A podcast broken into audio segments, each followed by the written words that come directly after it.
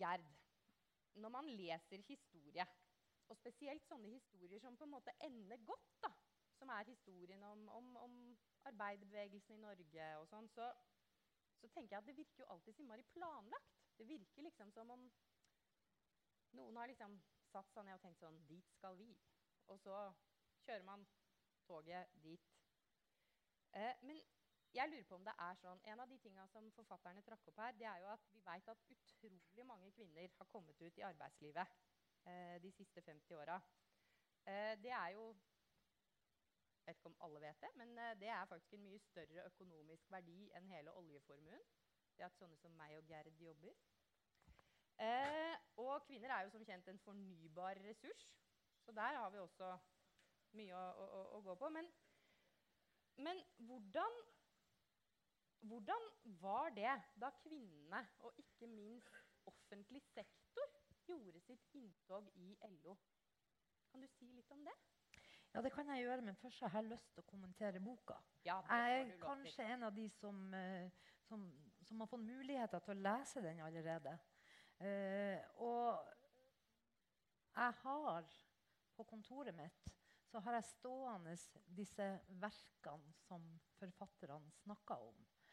Eh, og de har jeg brukt som oppslagsverk når jeg skulle gå tilbake i tid.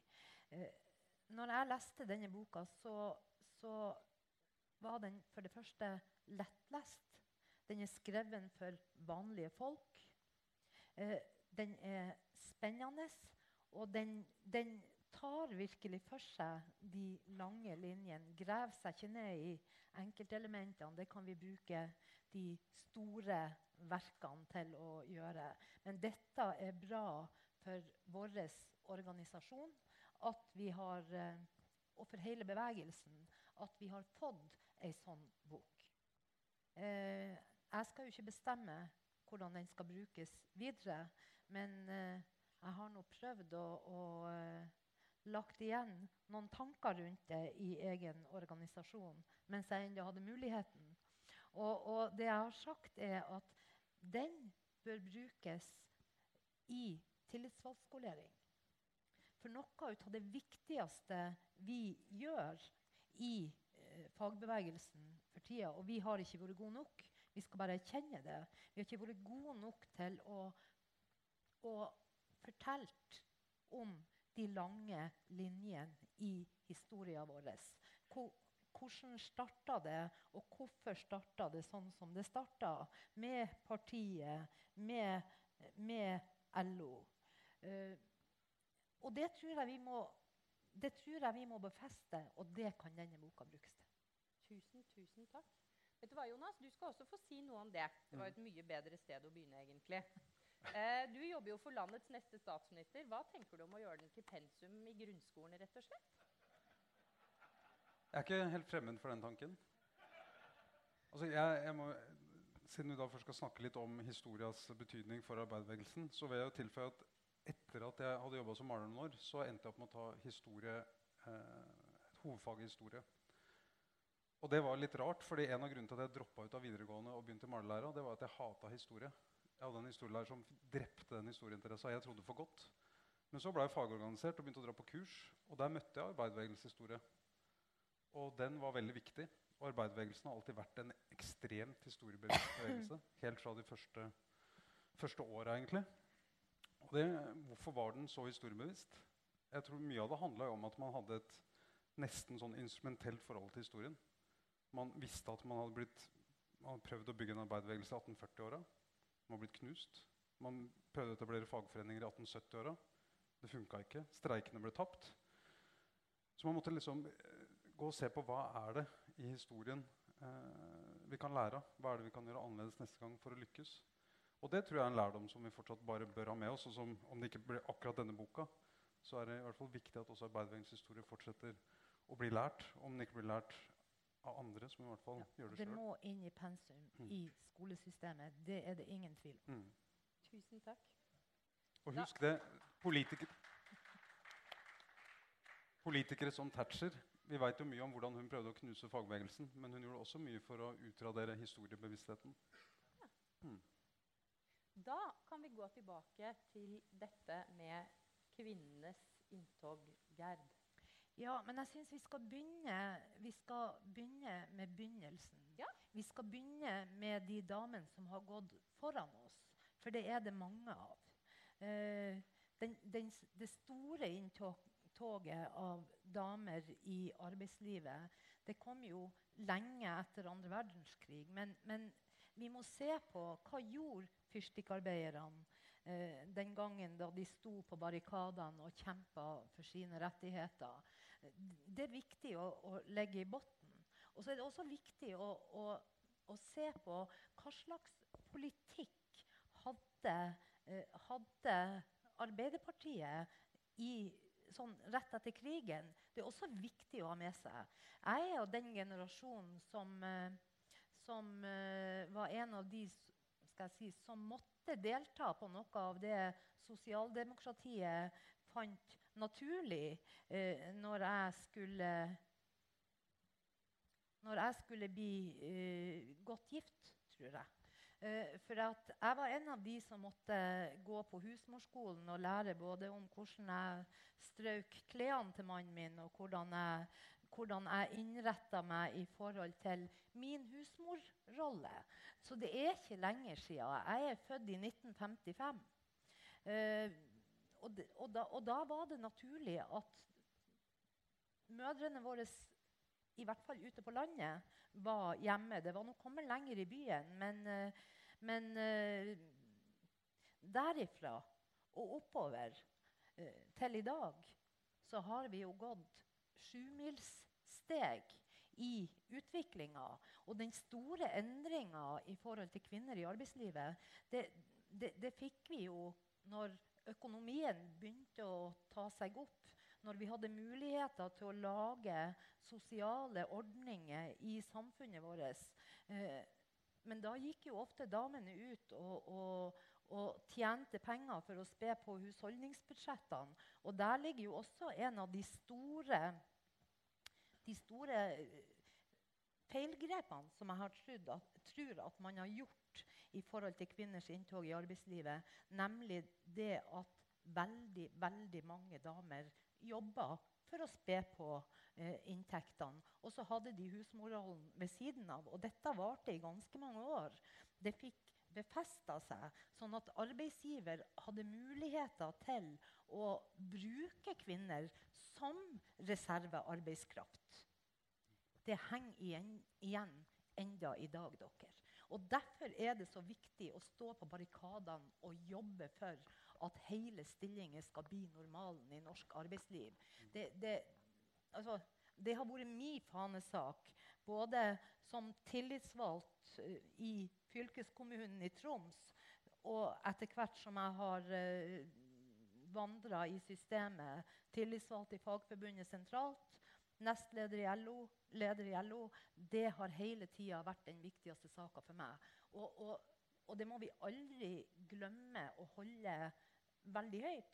For jeg tror at vi er nødt til å komme dit at arbeidsgiverne sier at her hos oss så jobber vi heltid. Det er det som er normalen. Unntakene det kan vi fikse gjennom den arbeidsmiljøloven som vi har. Alle kan få muligheter hvis de trenger å redusere jobben sin. Men det viktigste er at vi klarer å skape en heltidskultur. Tusen, tusen takk. Jonas? Siden vi snakker om kvinnelige pionerer, så har jeg lyst til å løfte fram en annen gruppe også, som jeg skriver om i et kapittel i den boka min som nevnte innledningsvis. Et kapittel som heter 'Fra Downton Abbey til sosialdemokrati'. Og Det handler om en utrolig tøff dame som begynte å organisere Tjenestepiken i København. Eh, etablerte Tjenestepikeforeninga og etter hvert Tjenestepikeforbundet.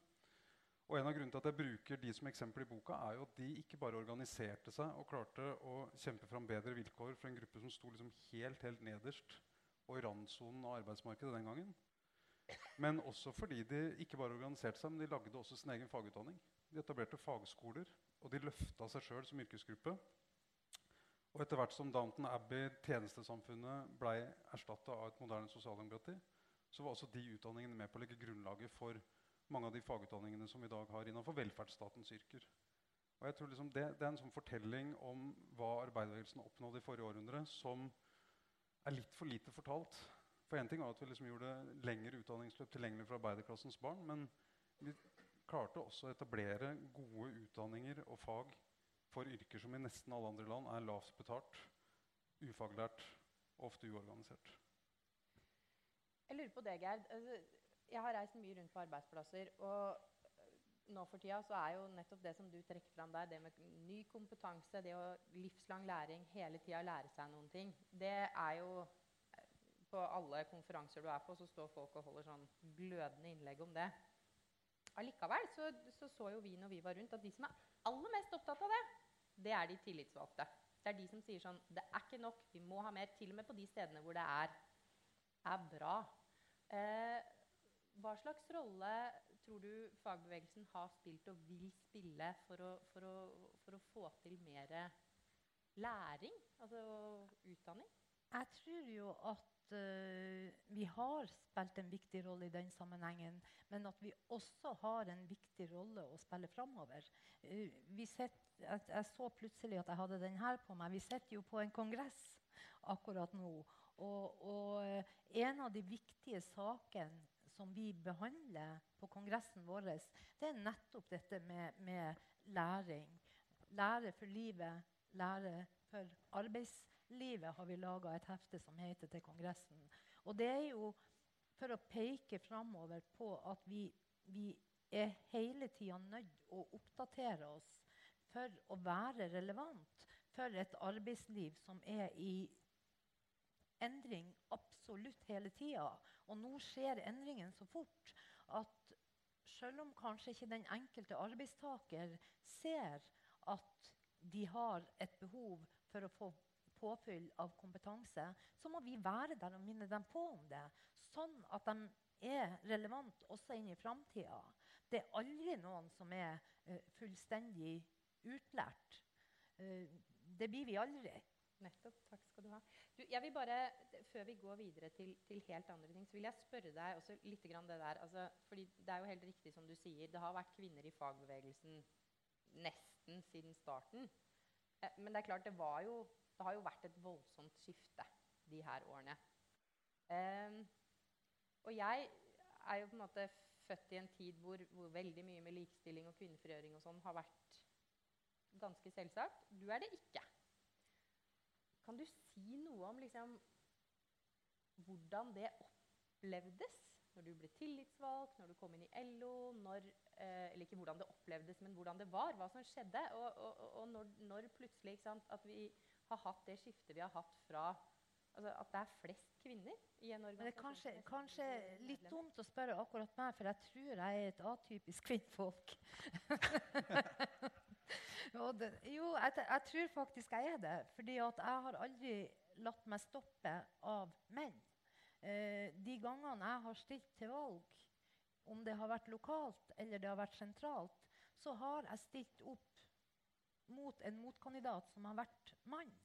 Eh, og det har jeg gjort fordi jeg trodde at jeg kunne gjøre en bedre jobb. Eh, og, så, men, men, men, det, men, det, er klart, jeg har også møtt motbør. Det skal jeg jo ikke legge skjul på. Men, men liksom å gå noe dypere i akkurat det Jeg tenker at det er mye, mye viktigere uh, å, å, klare å motivere de jentene som, som, uh, som har lyst til å, til å bare få dem til å stå på og kreve sin plass. Altså, vi er, vi er over Altså, vi er halv, halvparten av den norske befolkning. Det skulle bare mangle at ikke vi også krevde vår plass. Både i fagbevegelsen, men også i samfunnslivet for øvrig. Tusen takk. Jonas, jeg har lyst til å spørre deg. Eh, altså, de forfatterne her trekker jo opp eh, en, en, en, bevegelse som, som, henter mange impulser fra utlandet. Det har jo også vært folk som, fra Norge som har reist ut, og folk utenfra som har kommet hit. Eh, og vært en veldig, veldig viktig del av å bygge norsk fagbevegelse. Eh, men det du har skrevet om og vært opptatt av, det er jo egentlig mye det som har skjedd eh, de siste tiåra. hvor vi har hatt en veldig stor arbeidsinnvandring, særlig enkelt, til enkelte bransjer. Og hvor vi ser egentlig hele norske yrkesgrupper som er degradert eller borte. og nye grupper som ikke lever innafor det eh, systemet som vi har bygd opp, og som vi jo definitivt syns er det beste. Mm. Hva skal vi gjøre med det? Hva skal fagbevegelsen gjøre med det? Fagbevegelsens primæroppgave er jo å organisere folk. Og det var jo svaret vel vi også formulerte den gangen EU ble utvida østover.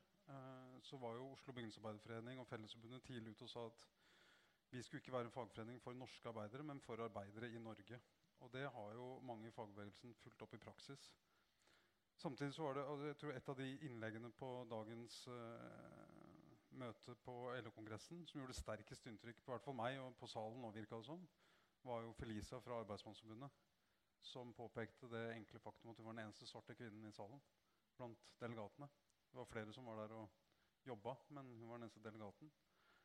Vi hadde besøk av fire polske bygningsarbeidere fra Bergen som har vunnet en viktig seier. Uh, I Bergen tingrett. De var der og fikk stående applaus fra salen for den kampen de har ført. Uh, sjefen min og Jonas Gahr Støre avslutta sitt innlegg med å si at han håpa at noen av de var å se som delegater på neste kongress. Jeg tror det er viktig at fagbevegelsen også ser det som sin oppgave å organisere nye grupper. Enten det er nye grupper av folk som kommer til landet, eller om det er nye grupper i arbeidslivet som i dag ikke har den tryggheten og sikkerheten som vi tar for gitt. Uh, det, men så kan du si det er lett å si gå ut og organisere dem. Men jeg har prøvd det sjøl, og jeg veit hvor vanskelig det er. Og Derfor er jeg veldig opptatt av at man er nødt til å ha et faglig politisk samarbeid, sånn at du får politiske partier som skjønner dette her, og som klarer å ha en politikk som støtter opp om mm. den jobben fagbevegelsen skal gjøre. Og der har det vært det stikk motsatte som er tilfellet de siste fire åra. Mm. Jeg har lyst til å spørre deg også litt om det. For det, det, er jo ingen som lurer på om LO har lyst til å organisere flere grupper, innvandrere, unge. Eh, og det gjøres jo også ganske mye arbeid eh, for å få til det. Eh, hva mer kan man gjøre? Ja, jeg tror jo at sånne jenter som Felicia eh, er og kan være rollemodeller også for andre innvandrerkvinner som, som vil være med. Uh, jeg tror jo at uh, man i forhold til integrering i det norske samfunnet, i tillegg til den tilrettelegginga som myndighetene skal og bør gjøre, uh, så, så, tror jeg at også der trenger man noen rollemodeller. Trenger noen som går opp løypa for de andre. Eh, få noen som altså, Sånn som Felicia, som var på Kongressen i dag, eh, som, som, sier at 'jeg vil være med'. Jeg vil bli inkludert. Jeg vil eh, være med og ta ansvar for utviklinga av samfunnet vårt. Og da, da, må man jo gripe det begjærlig, tenker jeg, for de forbundene som har, eh, som har sånne jenter som til og med tør å gå på talerstolen på Kongressen og, og kritisere oss fordi at vi ikke er gode nok. Vi må ta tak i dem og backe dem opp og få dem, og få dem fram. Fordi at det kan dra flere med seg. Tusen takk. Jeg har 10 000 ting jeg har lyst til å spørre dere om. Jeg skal ikke gjøre det. Men eh, vi skal avslutte eh, litt der som vi begynte. Altså, den boka her den handler om de lange linjene. Den handler om det som har skjedd, og mange ting som har skjedd. Eh, dere to kjenner ganske godt begge to arbeiderbevegelsens historie. Hva er det viktigste vi skal ta med oss derfra inn i framtida? Vi begynner med deg, Jonas. Jeg tenker at Et av de virkelig kjennetegnene på norsk arbeiderbevegelse, i motsetning til arbeiderbevegelsen i veldig mange andre land, er at vi har klart å holde samla. Parti og fagbevegelse jeg er jo sjøl gammel syndikalist. Eh, det var jeg ut fra en sånn, eh, det var en retning som oppsto innenfor arbeiderbevegelsen i Frankrike. Som en reaksjon på at arbeiderbevegelsen på et veldig tidlig tidspunkt smuldra opp, deles opp i masse små partier som sloss seg, seg imellom. Så skulle syndikalismen på en måte liksom bygge bro over det. da Lage en, politisk, eh, en upolitisk fagbevegelse som ikke skulle ha noe med dette skvalderet å gjøre. Så ble jo resultatet det litt paradoksale at syndikalisten bare ble enda en fraksjon innenfor fagbevegelsen. Og i dag har du en kommunistisk, og en kristelig, og en syndikalistisk osv. Haug med svake, splitta fagforeninger. En utrolig splitta venstreside. Og jeg mener Hvis du ser på det bildet rundt oss i Europa i dag, så er det eh, Og det er virkelig ikke meninga å være hoverende, men det at vi opp gjennom historien har hatt ledere som Ole Olian, som nå kommer en biografi om, som på noen helt avgjørende tidspunkter i vår historie klarte å samle det som var i ferd med å splitte seg opp, i først to og så tre partier, og en fagopposisjon som kunne brytt ut og komme på utsida av LO, men som i stedet for ble innafor, og man klarte å bevare den kraften. Det tror jeg er helt avgjørende. Og det tror jeg er helt avgjørende for at vi også i dag er et samfunn som er veldig veldig mye bedre for vanlige arbeidsfolk å bo og leve i enn veldig mange andre land rundt oss. Og det må vi ta vare på. Tusen takk. Vi, vi har jo akkurat det samme innenfor, innenfor, innenfor eh, fagbevegelsen. Jeg syns jo at det er for mange hovedorganisasjoner i, i landet vårt. Både på arbeidstakersida, men også på arbeidsgiversida. Det, det blir for oppsplitta, det blir for fragmentert. Og de fleste av oss, hvis jeg skal være frimodig og si det, har jo akkurat de samme målsettingene for utvikling av landet vårt, for utvikling av politikk, eh, for utvikling av lønnspolitikk. Eh, og kunne med fordel ha vært et system. Jeg mener vi trenger bare å være to hovedorganisasjoner. Definitivt. Tusen